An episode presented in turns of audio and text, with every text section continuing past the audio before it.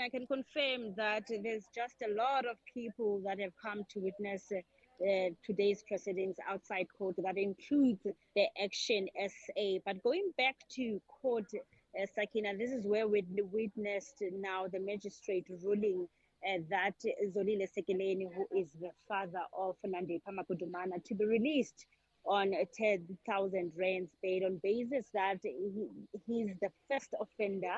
He doesn't have previous convictions or any pending case. However, we heard that the three accused that include Dr. Nandipha Makudumana, as well as Debu Hodipulu and Sinohe Matwara will remain in custody where they will be appearing on the 3rd and 4th of May for their formal bail uh, uh, uh application. And also, uh, what we know right now is that the third accused were uh, it was it was revealed that has a previous conviction However, they didn't dwell so much into the details as we know that come the third and fourth of May, that's when we will hear more information profiling them as to whether are they eligible for uh, the bail application. However, the state has since indicated that they will be objecting that bail application.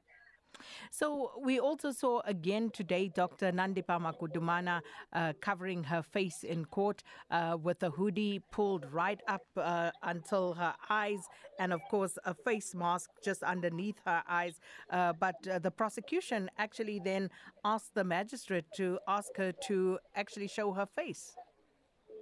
Indeed, Sakina, that's when we heard the magistrate asking, politely so, Dr. Nandipha Makudumana, to take off her hood as well as the mask so that he wanted to verify, of course, uh, and also take note as to whether it is the same person that appeared last week Tuesday. As we know, every time now is the second time when she appears, she makes sure that she covers herself with the hoodie as well as the mask on. And, and and this might not be something that you uh, may necessarily be able to answer, but I'm going to chance it anyway, um, Aphumelele. You know, when people appear in court generally, um, you know, given that you on the ground as a field reporter sometimes cover these events, are people generally allowed to keep their hoodies on in court? Uh, Sakina, you have just raised something very important. Since I've been on the field covering court stories, I've never really witnessed whereby the accused that are standing in the dock would cover or would be allowed to cover themselves with, you know, the hoodies as well as your mask on.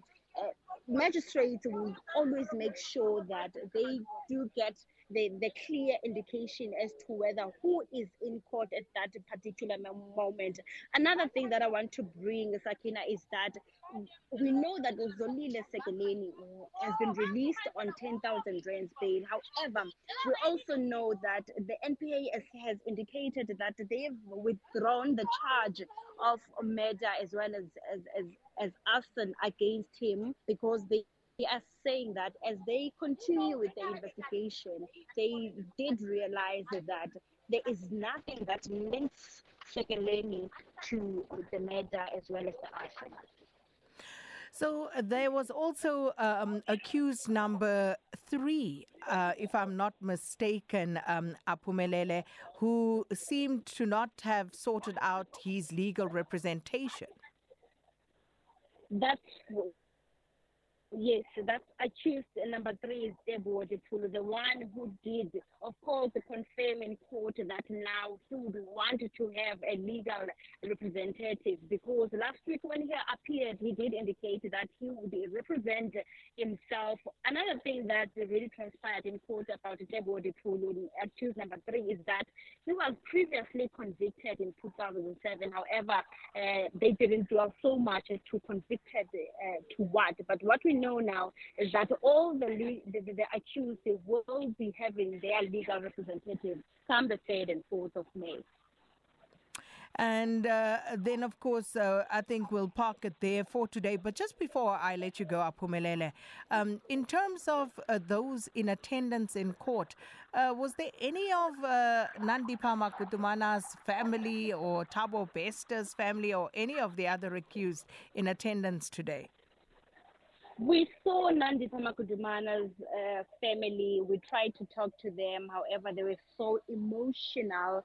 But we could see now the interaction that they were having with Nandipa as soon as she brings the hands to her, you know, and we could see the emotions of the, those that were in court, including her younger sister was in court, where she tried by all means to, to, to, to talk to her, tell her that keep strong, we are here for you, we will support you. Even when she was now going down to the cells, they tried to talk to her, including an old mother that we haven't confirmed as to whether that's the mother of Nandipa, but also she had teary eyes and told Nandipa to keep strong and they would be here on the 3rd and 4th of May.